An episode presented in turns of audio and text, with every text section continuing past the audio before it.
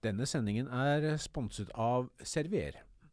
Norge er et av de landene i verden med høyest forekomst av tarmkreft, også kalt kolorektal kreft. Et samlebegrep for kreft i tykktarmen og endetarmen. Tarmkreft er den nest største kreftsykdommen i Norge, og også den nest dødeligste.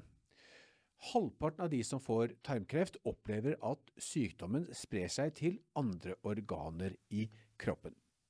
De fleste får i en slik situasjon beskjed om at de dessverre har uhelbredelig kreft. Men det finnes behandling, og det er det vi skal snakke om i dag. Med oss for å gjøre det er kreftoverlege på St. Olavs hospital, Eva Hofsli. Hun er også medlem i Norsk gastrointestinal cancergruppe. Hjertelig velkommen eh, til deg, Eva. Tusen takk. Aller først, eh, Eva, fortell oss hva er eh, tarmkreft, og hva innebærer det at man har tarmkreft med spredning? Ja, eh, tarmkreft betyr jo at kreften har oppstått i tarmen, for det første. I det vi kaller epitelceller i, i, i tarmslimhinna. Eh, og den prosessen der tar gjerne mange, mange år. Så først så eh, blir det gjerne utvikla en polypp, og så blir den etter hvert eh, ondarta. Mm. Så, så, det starter liksom i tarmen, derfor kaller vi det tarmkreft. Men så er det som du sier, da, at uh, kreften kan jo spre seg. Og da er det jo i prinsipp liksom tre forskjellige måter en kreftsvulst generelt kan spre seg på. Uh, det ene er jo det at kreften kan vokse seg større på det stedet der den oppstår. Uh, og f.eks. vokse inn i naboorgan. Et eksempel kan jo være endetarmskreft som kanskje vokser inn i blæra f.eks. Så det er én måte kreft kan spre seg på. Og så er det også en mulighet for at kreften kan spre seg til lymfeknuter, da, som eh, først og fremst da ligger nært eh, tarmrøret. Da kaller vi det regional spredning. Mm. Eh, og så har vi da også muligheten for at kreftceller kan på en måte løsne og gå via blodet og, og finne sin plass f.eks. i lever eller lunge, da, som er hyppigste sted for eh, fjernspredning. Da snakker vi om fjernspredning. Mm. Så de pasientene du nevner her som har spredning, eh, da tenker vi jo på fjernspredning. Og da er det mer utfordrende å kunne helbrede de pasientene enn om kreften er lokalt i tarmen. Ja. Bare, ta det først, den lokale spredningen. Når det er lokalt i tarmen, da kan, da kan, kirurgen operere? Absolutt, da kan kirurgen operere. Så da litt av Tarmen er jo lang, mm. eh, og så, så type inngrep er jo litt avhengig av eh, både det som heter blodforsyning, drenasjevei osv. Så videre, sånn at eh, om du har en høyresidekreft eller venstreside, så vil inngrepet være litt forskjellig. Og i tillegg til at eh, tarmrøret og kreften fjernes, så vil det jo bestandig bli fjerna en del eh, fettvev eh, rundt tarmen, og der ligger det lymfeknuter da, som vi sjekker for om det kan være spredning i. Mm. Så da får vi beskjed fra patologen at det er spredning eller ikke spredning. Og det gir liksom litt føring for hvordan vi håndterer det videre. Mm. Om pasienten trenger tilleggsbehandling med cellegift f.eks. Mm. Men, men eh, da, hvis det da ikke er tenkt til fjernspredning, så håper vi jo at pasienten selvfølgelig er kurert. Men så er det jo sånn at alle pasienter som har vært gjennom en sånn operasjon, de skal jo følges med kontroller i inntil fem år. Og det er jo nettopp fordi at denne den her fjernspredninga som jeg snakka om, mm. at kreftceller løsner og går via blodet og finner sin plass f.eks. i lever, mm. at de kan uh, ikke være synlige til å begynne med, men så på et eller annet tidspunkt så begynner de å vokse. Og Da vil vi kunne se det på en CT-undersøkelse f.eks. Mm. Så da skal vi snakke mest om uh, fjernspredning. Mm, ja. en del av pasientene som du får, de har fjernspredning i mm. diagnosetidspunktet. Andre utvikler dessverre det selv om mm man opererer og, ja. og, og, og tror man har kontroll på, mm. på, på, kreften. Hva er prognosen hvis du har eh, fjernspredning? Kan man bli frisk da? Ja, det har eh, faktisk skjedd en god del de siste ti årene. Eh, at det er mulig å helbrede. Men det fordrer at metastasen, eller dattersvulsten, kan opereres bort. Og det fordrer gjerne også kombinasjon med f.eks. cellegiftbehandling. Mm, så det er mulig å kurere. Det er gode resultat. Eh, altså når vi sier om resultat, så snakker vi om det som heter fem års relativ overlevelse, som er en slags ja. eh, indikator på eh, prognose, da.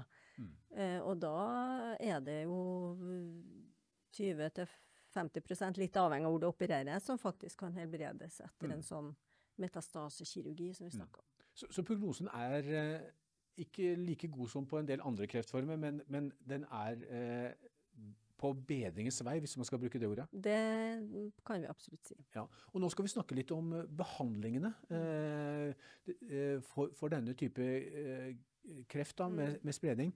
Eh, hva, altså, for nå er du- som onkolog, eh, du, du har jo en del verktøy i verktøykassa di. Noe av dette er, er velprøvd og som du har hatt i mange, mange år. Noe er nytt. Vi skal snakke om begge disse formene. Hva, hva skal vi, hvis vi starter med, med liksom det, det, det helt grunnleggende, altså cellegift og strålebehandling, som jeg er sikker på øh, de fleste har hørt om, hva, hva, hva bruker du det til? Altså, cellegift er jo grunnsteinen, som du sier. Og det, det Vi har jo en cellegift som vi har hatt helt fra 50-tallet, som på en måte er kanskje den viktigste. Og så har, har vi etter hvert kombinert den cellegifta med andre typer cellegift. Som kombinasjonsregimer, som vi sier. Gjerne to stoffer sammen, eller eventuelt tre stoffer Mm. sammen. Og en cellegift er jo en gift da, som eh, sprer seg selvfølgelig, eller distribueres i hele kroppen. Så, så den er jo på en måte en slags uspesifikk behandling, altså at den rammer både kreftceller, men også normalt vev. Og det vil jo da kunne føre til bivirkninger. Mm. Eh, når det gjelder strålebehandling hos denne pasientgruppa som vi diskuterer i, i dag, altså de med fjernspredning, så eh, vil strålebehandling først og fremst ha en rolle for å f.eks. lindre plagsomme symptomer. Det kan f.eks. være spredning til skjelettet, og da kan vi gi strålebehandling for å lindre Mm. Lindre smerter, da. Eh, i, I en sånn kurativ, helbredende setting så er jo strålebehandling eh, viktig eh, hos pasienter med endetarmskreft. Mm. Visse, kanskje 30-40% som har forbehandling med strålebehandling før operasjon. Mm. Men da har vi som mål helbredelse. Så, så cellegift og strålebehandling, det kan gi kurasjon, men det er en ganske tøff behandling. Kan, du beskrive litt av de bivirkningene som pasienter kan oppleve? La oss starte med cellegift. Ja. Som jeg sa, da, så er jo det spres jo hele kroppen. Så Mm. teoretisk, da, bruker jeg si til pasienten, så kan hun få egentlig symptom eller bivirkning fra mange organ. Mm. Og det som er det viktigste, som pasienten må orienteres grundig om, det er jo det at immun, altså immunsystemet kan reagere relativt raskt da, på den måten at det blir svekka etter en cellegiftkur. Så da er det veldig viktig at pasienten, hvis den kjenner at den kanskje er litt syk, eller føler at den har feber, måler temperaturen, og så tar kontakt med oss med en gang. For da vet vi at hvis immunforsvaret er veldig lavt, så er det veldig viktig å komme i gang med antibiotisk behandling. Så det er liksom det første pasienten må på en måte Ja. Følge med. følge med på. Mm. Og så vil det jo være litt avhengig av hva slags type eh, kur det er snakk om. Eh, den grunnsteinen som heter 5FU, den kan f.eks. gi litt eh, diaré. Kan gi noe som heter hånd-fot-syndrom. Mm. Og så generelt så vil jeg si at det som de fleste cellegiftkurene, uavhengig av diagnose eller hva slags type kur vi gir, kan jo gi en sånn slitenhetsfølelse. Eller det som heter fatigue, da. Mm. Som, som er veldig ut Ja, veldig vanlig, da. Ja, og så er det jo en annen type uh, cellegift vi bruker, kan gi litt sånn prikking av fingre og tær, det som heter nevropati. Så der må vi jo følge med, vi som leger, og se at ikke det blir for mye av det. Eh, alle gjør ikke at vi mister håret, men noen gjør det i større grad. Eh, ja, så det er vel kanskje de viktigste sånn generelle bivirkningene som vi har, da. Og strålebehandling, hva, hva vil du si er hovedbivirkningene der? Ja, det er litt avhengig av hva du bestråler. Mm. Og hvor mange behandlinger du gir. F.eks. hvis du strålebehandler en skjelettspredning for å smertelindre, så gir ikke det nødvendigvis noen store bivirkninger. Hvis du f.eks. Eh, strålebehandler imot bekkenet ditt eh, som en, en eh, forbehandling før operasjon, så, så kan jo, hvis det er mye tynntarm i bekkenet, så kan jo pasienten f.eks. få diaré og kanskje også blir litt sår i huden og sånn. eh, Det er jo akutte bivirkninger da. Så vet vi at strålebehandling mot bekken og selvfølgelig også kan gi litt langtidsbivirkninger eller seneffekter på sikt. Mm. Hvordan vil du si pasientene håndterer eh, særlig denne cellegiftbehandlingen? Eh, Ja. Er de veldig redde når de starter og, og, og, og frykter dette? Eh, forbausende liten grad, kanskje. kanskje. Men du, du stiller kanskje ikke det spørsmålet. Så de, første, de, de, de, fleste som kommer i en sånn setting, og har fått hørt at de har dessverre fjernspredning, og gjerne vært utreda på kirurgisk eller medisinsk avdeling, de er jo først og fremst veldig interessert i å komme i gang med Mm. behandling, for da har kanskje utredninga tatt flere uker, og Mm. de, de vil starte behandling. Men så er det jo sånn at uh, sjøl om vi vet at uh, cellegift kan gi mange forskjellige bivirkninger, så er det veldig individuelt hvordan eh, pasienten tåler det. Jeg kan ha en pasient som ikke merker noen bivirkninger i hele tatt. Eh, og så har vi pasienter som på en måte får mer uttalte bivirkninger. Så det, det, vi må starte behandling, og så blir vi litt klokere etter hvert og ser eh, hvordan vi skal justere behandlingen eh, videre. F.eks. ved å gjøre dosereduksjon av kur, for det blir jo en balansegang mellom effekt og livskvalitet da, hos pasienten. Cellegift har, jo- har jo vært til stede siden eh, slutten av eh, 40-tallet, eller etter andre verdenskrig. ja. Eh, men det, det skjer jo også forskning og utvikling, og, og, og, og det kommer nye eh, medikamenter innenfor den, den behandlingstypen også. Er det, er det noe, noe nytt eh, som har kommet der? Ja, det, har, eh, det er en del på trappene, vil jeg si, som, Mm. eh, som, eh, som da kan bli spennende etter hvert. Eh, Men vi, vi trenger jo enda flere ting å kunne spille på, så vi håper jo det at Men det, det er noen spennende ting på gang da, som vi håper kan gi resultat etter hvert. Mm. Ja. Så, så skal vi gå over på, på skal vi kalle det litt sånn mer moderne terapi. Mm, Altså, mm. Der har vi jo to uh, hovedmodaliteter, altså det som, som det så fint heter. Mm. Der har vi først målretta behandling, og så har vi immunterapi. Mm. Uh, skal vi starte med målretta behandling? Det er jo et interessant eh, konsept som, som, som ofte brukes i, som synonym med persontilpassa medisin. Mm, mm. Hva, hva, hva har du av måte, Hva vil du si om den behandlingsmetoden?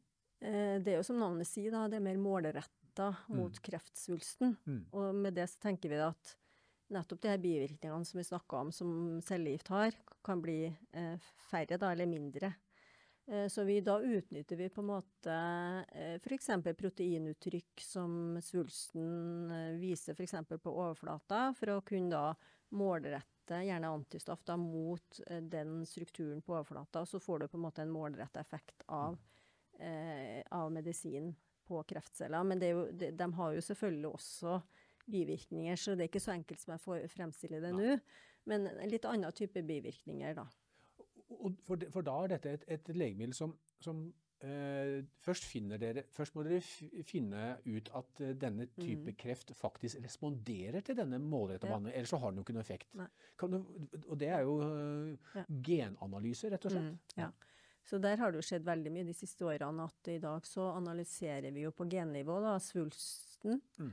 Og da har vi noe uttrykk da, som, som, eh, som da enten sier at vi kan gi denne type målretta medisin, eller at pasienten ikke vil ha nytte av den type målretta eh, medisin. Så det er innarbeida og svar som vi må ha før vi starter Mm. behandling. Og da kombinerer vi gjerne de her cellegiftene som jeg snakka om i sted, med eh, en, et antistoff eller et målretta eh, terapi, da. Mm. Mm.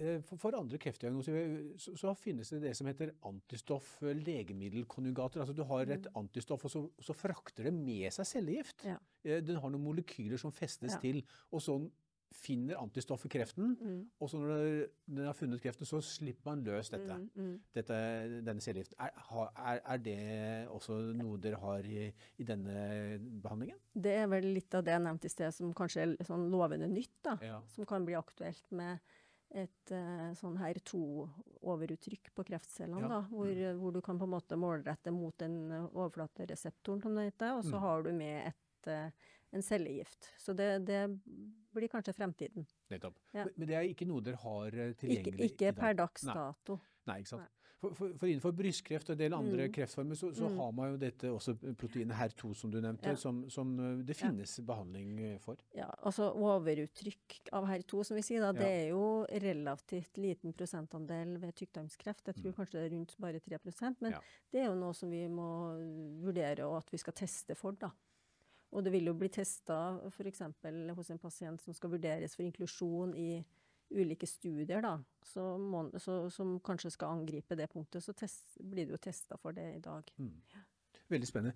Eh, Det var målretta behandling. Eh, La oss gå over på immunterapi. Altså det, som, eh, det, det finnes mange typer immunterapi, men, ja. men bl.a. sjekkpunkthemmere, Mm. som, som har vært brukt med stort hell eh, innenfor ikke minst eh, melanom, altså føflekkreft, Ja. og, og, og ikke-småcellet eh, lungekreft, i, egentlig helt siden 2011-2012. Mm. hva er, hva hvilke muligheter har pasientene til å få immunterapi? Ja, i dag så er det sånn at det er en eh, undergruppe av tarmkreft, såkalte mikrosatellittinstabile Mm. svulster, som har, har hatt meget god effekt av immunterapi. Og det er riktig som du sier at det er såkalte sjekkpunkthemmere, da, hvor, hvor hensikten er at eh, de, de medisinene der gjør at, eh, at kroppens immunforsvar på nytt gjenkjenner kreften, Mm. Og kan på en måte angripe den. For det er jo naturlig når en kreftsvult utvikler seg i kroppen, så vil jo i utgangspunktet immunforsvaret prøve å liksom ta knekken på den, men så er det en mekanisme som gjør at det blir skjult da, for, Mm. for immunsystemet. Så de her sjekkpunkthemmere, de på en måte låser opp den her eh, skallet, da. Mm. Um, Og, som rett og slett gjør at ditt eget, eller Ja. kroppens Mm. eget immunforsvar Ja. får effekt igjen. Ja. Sånn at uh, i, i, ved primærdiagnose som vi bruker, altså på diagnosetidspunktet, så regner vi kanskje med at 15% av svulstene er såkalt mikrosatellittinstabile, har et høyt uh, mikrosatellitt-instabilt eh, uttrykk. Mm.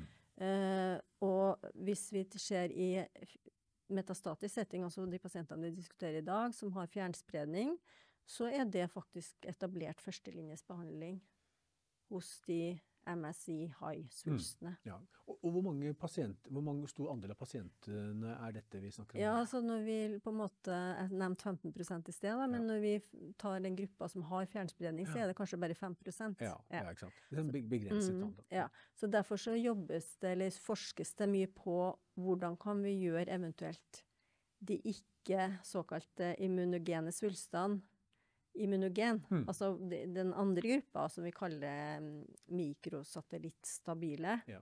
er det måter vi kan på en måte få dem eh, til å reagere på immunterapi. Mm. Så det forskes det jo veldig mye på, Ja. og så får vi jo se etter hvert om, vi, om det blir noe gjennomslag der, da. Ja. Det forsker også i Norge. Du, Mm. Ja. Anne Hansen Reid, din kollega på, på Ahus, har jo denne Metimox-studien som, Mm. som du sier, som, som prøver å gjøre det som eh, enkelt sagt Mm. kalde kreftsvulster som ikke vil reagere på immunterapi, gjøre de varme. Eh, Hva, hva, hva, gjør man eh, da? Ja, i, da gjør, altså, I den studien da, så er det rett og slett at du gir, eh, du gir eh, cellegift først. Altså Ja. den type cellegift som vi benytter hos den pasientgruppa.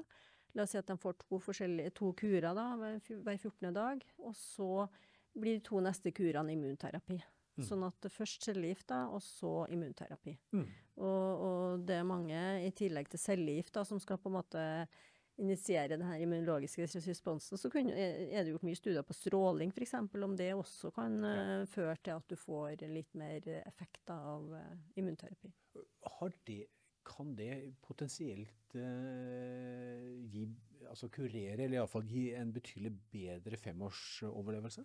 Ja, det vet vi ikke per dags dato, da. Først Mm. må vi på en måte få overbevisende data på at vi kan ved en sånn type kombinasjon helbrede. Eh, Men eh, når vi først snakker om de mikrosatellitt-instabile svulstene, altså de, de, de 15 som jeg snakka om i sted, Mm. så er det jo veldig sånn oppløftende resultat Ja. som har kommet det siste året. Ja. For, for det er på Mm. målretta behandling. Der, der, var, der var det jo Du var jo Vi snakket på, på ESMA, altså denne euro, europeiske kreftkongressen i, i høst Mm. eh, 20, eh, 2022. Ja. Der, var det jo en veldig spennende liten studie, riktignok, men, men, men som hadde hvor, hvor, hvor det viser enorme resultater. Mm. Eh, På ESMO så var det det vi kaller lokalavansert tykktarmskreft, mm. som Mm. var i den eh, studien som du nevner, hvor, hvor faktisk en veldig kort, eh, kanskje fire ukers lang eh, behandling med immunterapi før operasjon, for pasientene ble operert. Og så så, når eh, patologen kikka i det som var fjerna, så viste det seg at det var en formidabel høy andel av de svulstene som faktisk hadde respondert eh, veldig, veldig bra på, Mm. på eh, den immunterapien. Mm. Og det, da kan en jo tenke seg å, Er det mulig å helbrede Ja. bare med å gi immunterapi? Mm. Og så var det jo en studie tidligere i år da, på ASKO, ASKO, som amerikanske eh, kongressen, hvor eh, ikke tykktarm, men endetarmskreft, og da lokal avansert endetarmskreft, var behandla i seks måneder med immunterapi. Mm. Og hvor, hvor, hvor resultatene var frapperende gode. Så det blir alle, veldig alle ble i prinsippet kurert, hvis man Ja, skal bruke det ordet. ja. Ja. Så mangler vi jo selvfølgelig oppfølgingstid, da, vet du, at vi ser at det ikke kommer gjenvekst og metastaser og sånn. Du møter sikkert en del pasienter som, som har hørt om disse studiene og, og, og nevner både målretta behandling og immunterapi, Ja. men, men som du ikke du har mulighet til å Mm, gi. mm. Eh, hvordan forklarer du det til pasienten, og, hva, og hva, Ja. hvordan reagerer pasientene? Nei, du vet at pasientene i dag er jo veldig flinke til å lese på nettet, og så er det jo selvfølgelig vanskelig å eh, skille mellom den type kreft pasienten har, og versus Ja. pasientens eh, nabo, eller eh, den en treffer på gangen har. Mm. Sånn at vi må jo på en måte rydde opp litt i, i begrepene. At eh, det er jo ikke sånn at eh, hvis du f.eks. har spredning fra tarmkreft til lunger, så har du ikke lungekreft. Det er, jo, det er jo noe helt annet. Lungekreft betyr jo at kreften har oppstått i lunge. Ja. Så den håndteres jo helt ulikt. Ja. Så, så det betyr ikke Ja. at, at du da kan få Og, og, og immunterapi har, uh, har effekt på deg, Mm. selv om det for en, uh, en som har ikke småcellelungekreft, i utgangspunktet har stor effekt. Ja. Så det er veldig viktig å, å forklare godt da, at Mm. uh, spredning til lungene er det, er det ikke samme som lungekreft. Nettopp. For det er lett å sammenligne seg selvfølgelig med Ja. andre. Det, jeg må også spørre deg, det, det er jo, I Norge så tar det jo tid før ny behandling blir innført. eh, For Beslutningsforum, eh, eh, som, består av de Mm, fire direktørene for regionale helseforetak, Mm. de må jo bestemme for Selv om et legemiddel har stor effekt, så må Mm. de også bestemme seg om det skal finansieres og innføres i Norge.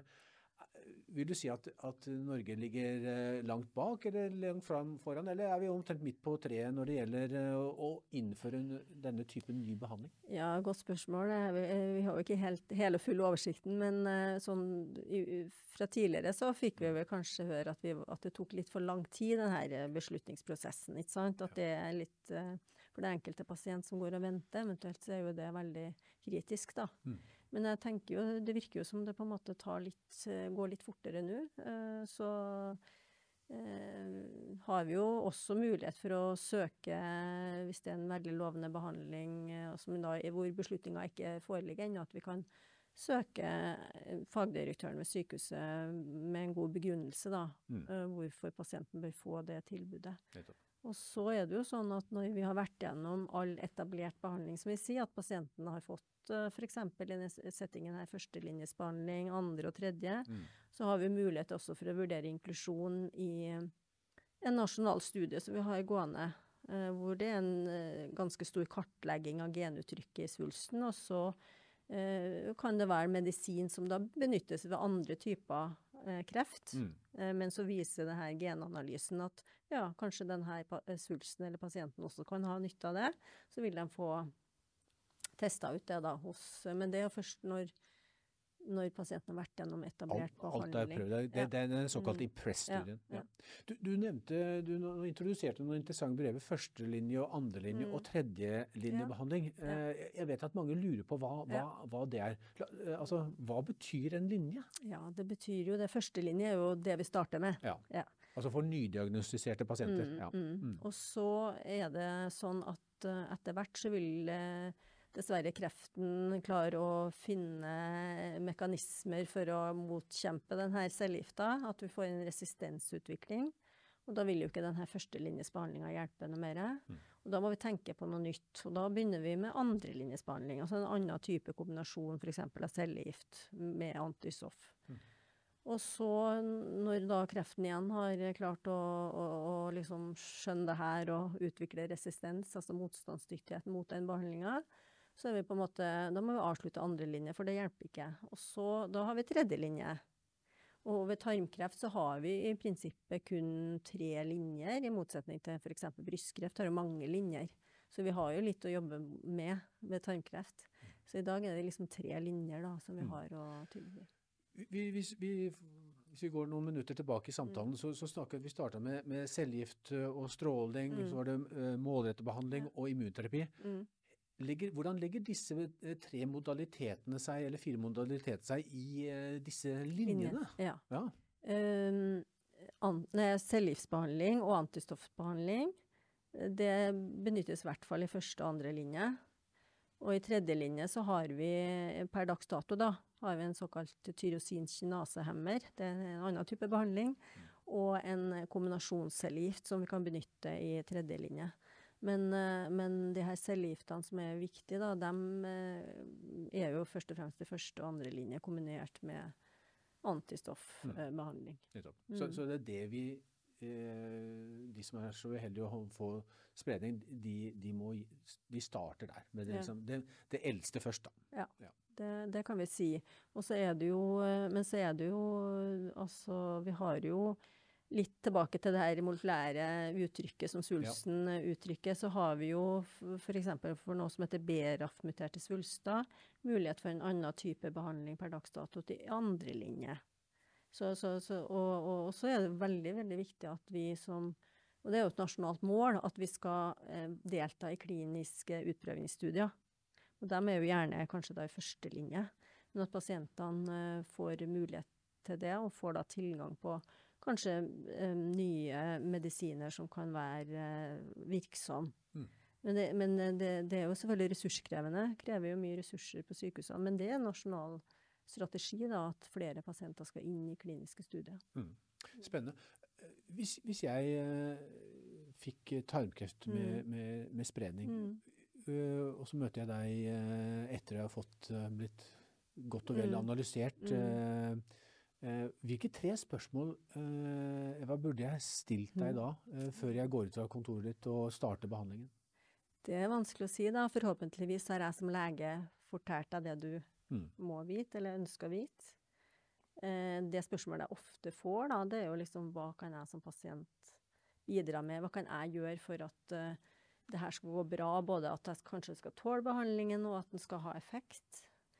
Og da, da tenker jeg at eh, vi har jo ikke noe sånn veldig god evidens for det svaret vi skal gi til pasienten, men, men um, altså det er jo kanskje det å, å, å leve mest mulig normalt.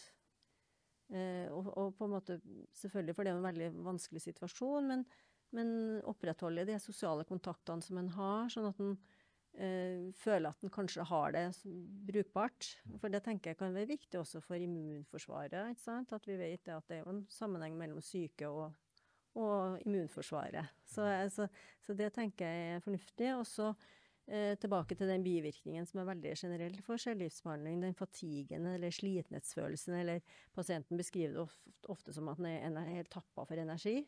Og der har vi jo studier som viser at det med fysisk aktivitet kan motvirke denne fatigen. Så jeg i hvert fall oppfordrer jo til fysisk aktivitet, litt eh, avhengig av hva pasienten selvfølgelig har vært vant til tidligere, men det er ikke farlig med fysisk aktivitet. Eh, Så det, det, og, og så lurer de jo selvfølgelig på kosthold og sånn, Mm. ikke sant. Og der eh, er det jo ikke noen gode sånn, studier som viser det ene eller det andre, men der, så der er det jo å anbefale egentlig det som norske myndigheter anbefaler, et sunt kosthold. Og så kanskje unngå å ta Mange lurer jo på om de skal ta mye vitaminer osv. Og, så og da, da tenker jeg at det å ta store doser vitaminer er sikkert ikke lurt. Det kan jo være skadelig for leveret f.eks. Men, eh, men eh, det er jo veldig fornuftig å etablere en god kontakt med pasienten, sånn at pasienten ikke er redd for å spørre. da, hvis, hvis, For du får jo veldig mange velmente råd fra familie og, og venner. Ja. Eh, Så det er litt viktig å mm. Så, så leve egentlig sunt og, Ja. og mest mulig normalt. ja.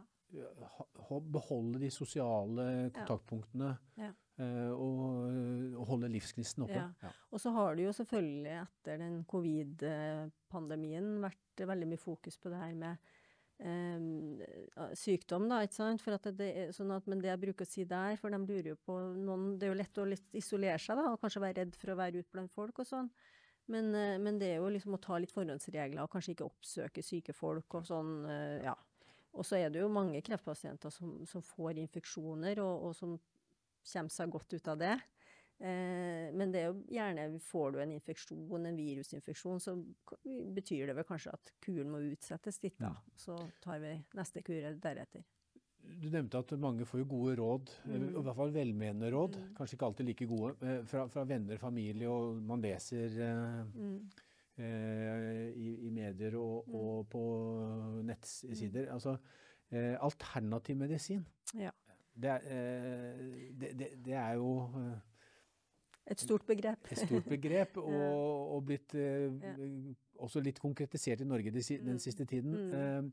Men, men, hva vil du si der? Altså, det, det, spørs jo selvfølgelig på hva det er snakk om. ikke sant? Det kan jo, som jeg nevnte i sted, være inntak av store vitamindoser, eller det kan være soneterapi, mm. eller akupunktur. Det jo, kan jo ha smertelindrende effekt, for så vidt. Men, men jeg tenker liksom det viktigste er jo da å ta det opp med legen sin og spørre vi har fått råd om og sånn og sånn. Sånn at legen kan vurdere er, kan det tentativt være uh, uheldig i forbindelse med den behandlingen pasienten skal uh, gjennomgå. Mm. Og så tenker jeg jo at um, det her med økonomi Altså er det jo en veldig, veldig dyr alternativ behandling, så, så tenker jeg jo at uh, da er det liksom litt problematisk at pasienten skal selge hus og hytte og hjem ja. for å, å liksom starte en behandling som ikke er dokumentert effektiv. Mm. Hva sier du til pasientene? Du, går du så langt som å fraråde pasienten uh, å, gå inn i den uh, gata der? Det har jeg gjort. Mm. Uh, hvis jeg er virkelig sikker på at det her ikke er til det beste for pasienten. Vi har jo hatt nær sagt veldig syke pasienter med veldig mye spredning, som har reist til visse utenlandske um, institusjoner for å få behandling. Og hvis jeg som lege vurderer at det dessverre ikke har, kan helbrede eller egentlig bedre det i hele tatt, så, så, må jeg jo nesten eh, fraråde og si at det er ikke min anbefaling. Mm. Og hva gjør, Opplever du at pasienten følger rådene, eller er det av og til eh... Ja, det kan variere litt. Noen eh, som selvfølgelig er veldig fortvila, har rester. Og vi har jo hatt pasienter selvfølgelig som ikke har kommet tilbake, for de har eh, vært så syke i utgangspunktet. Ja.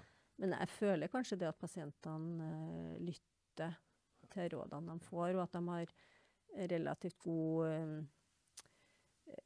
De tenker at det norske helsevesenet er bra, da. Ja, ikke sant.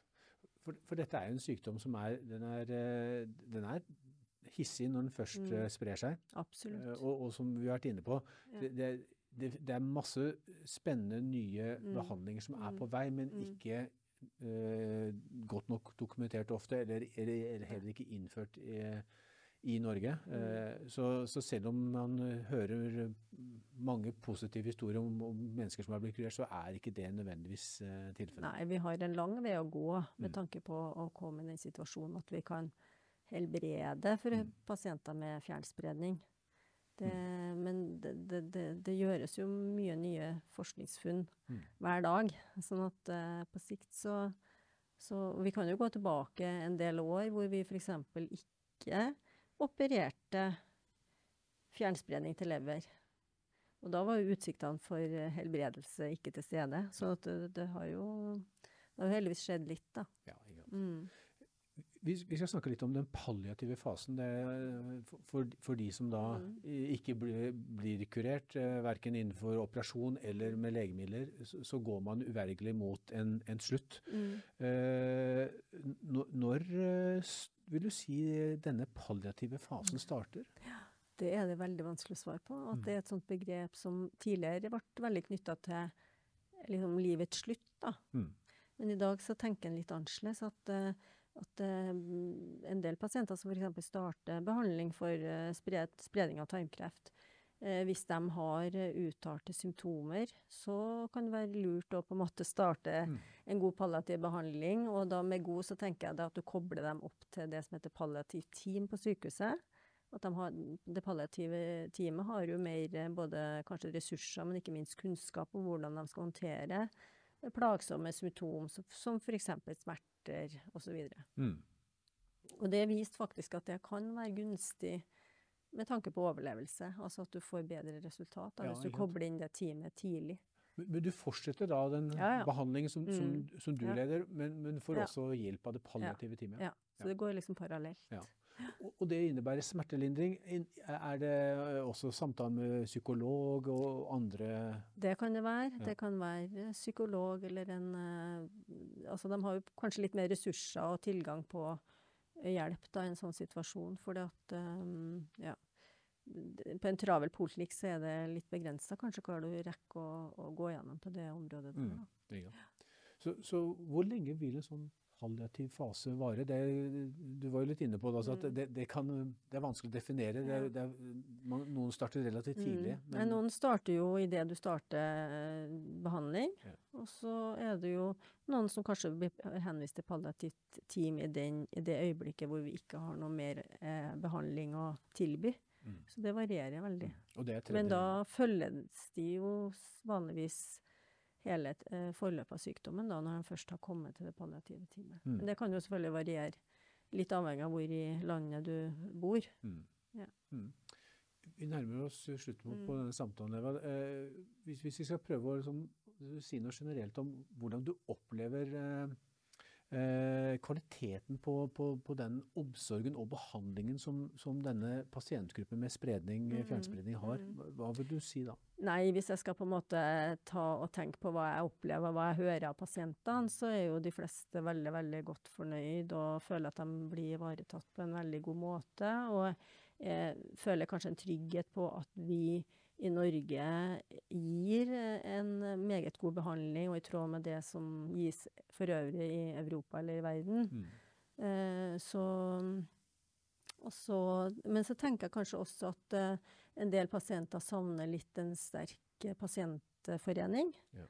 Det finnes jo Brystkreftforeningen, som har jo eksistert i mange år, og er en talsperson for den pasientgruppa så hatt en litt mer tydelig forening for tarmkreft. Det, det, for tarmkreft er jo litt liksom tabubelagt òg. Det er liksom litt vanskeligere å snakke om mm. kreft i tarmen enn kanskje kreft i brystet.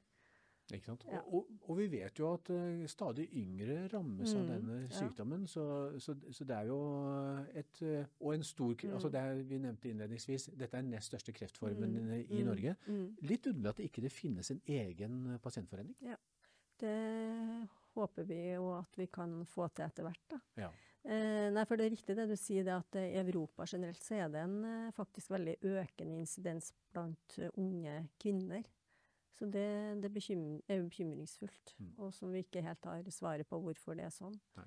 For Vi ligger veldig høyt i Norge generelt, mm. men mm. det er flere kvinner, og det er litt oppsiktsvekkende, som mm. dør av tarmkreft mm. enn menn. Ikke mm. veldig stor forskjell, men, men en del prosent.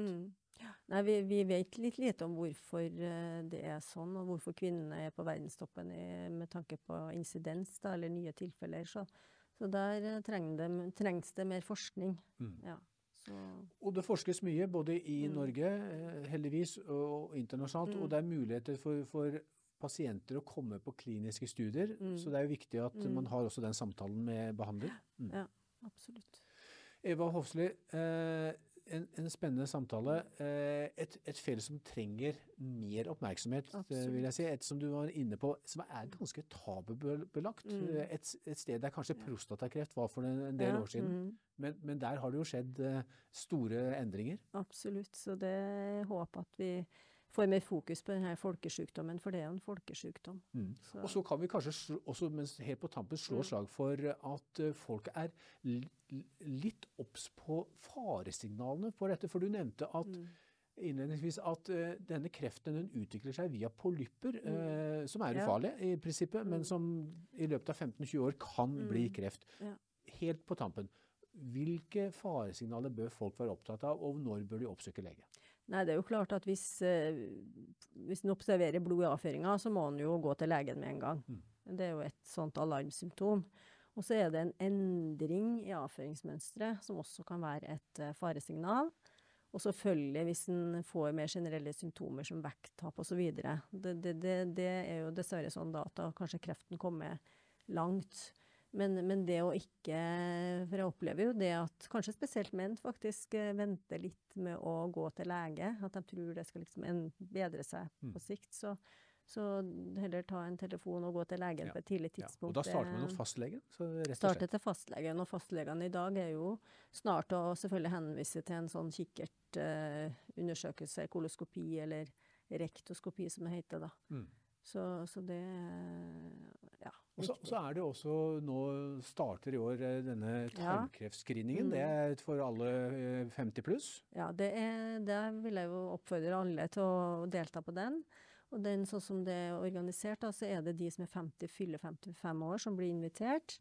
Og da er det i utgangspunktet da en sånn immunologisk eh, prøve av avføringa, så det er veldig enkelt. Mm. De får tilsendt det her i posten, tar prøven, og så sender det tilbake. Mm. Så det er liksom en undersøkelse som ikke verken er smertefull eller noen ting. Det er veldig enkel undersøkelse å, å, gjøre. Så Mm. det håper vi jo at, at eh, den norske befolkningen vil stille opp eh, på, da. Det tror jeg det gjør. Mm, ja. Og med denne oppfordringen så, så sier jeg tusen takk for at du, du var med oss, Eva Hofsle. Vær så god. Takk skal du ha.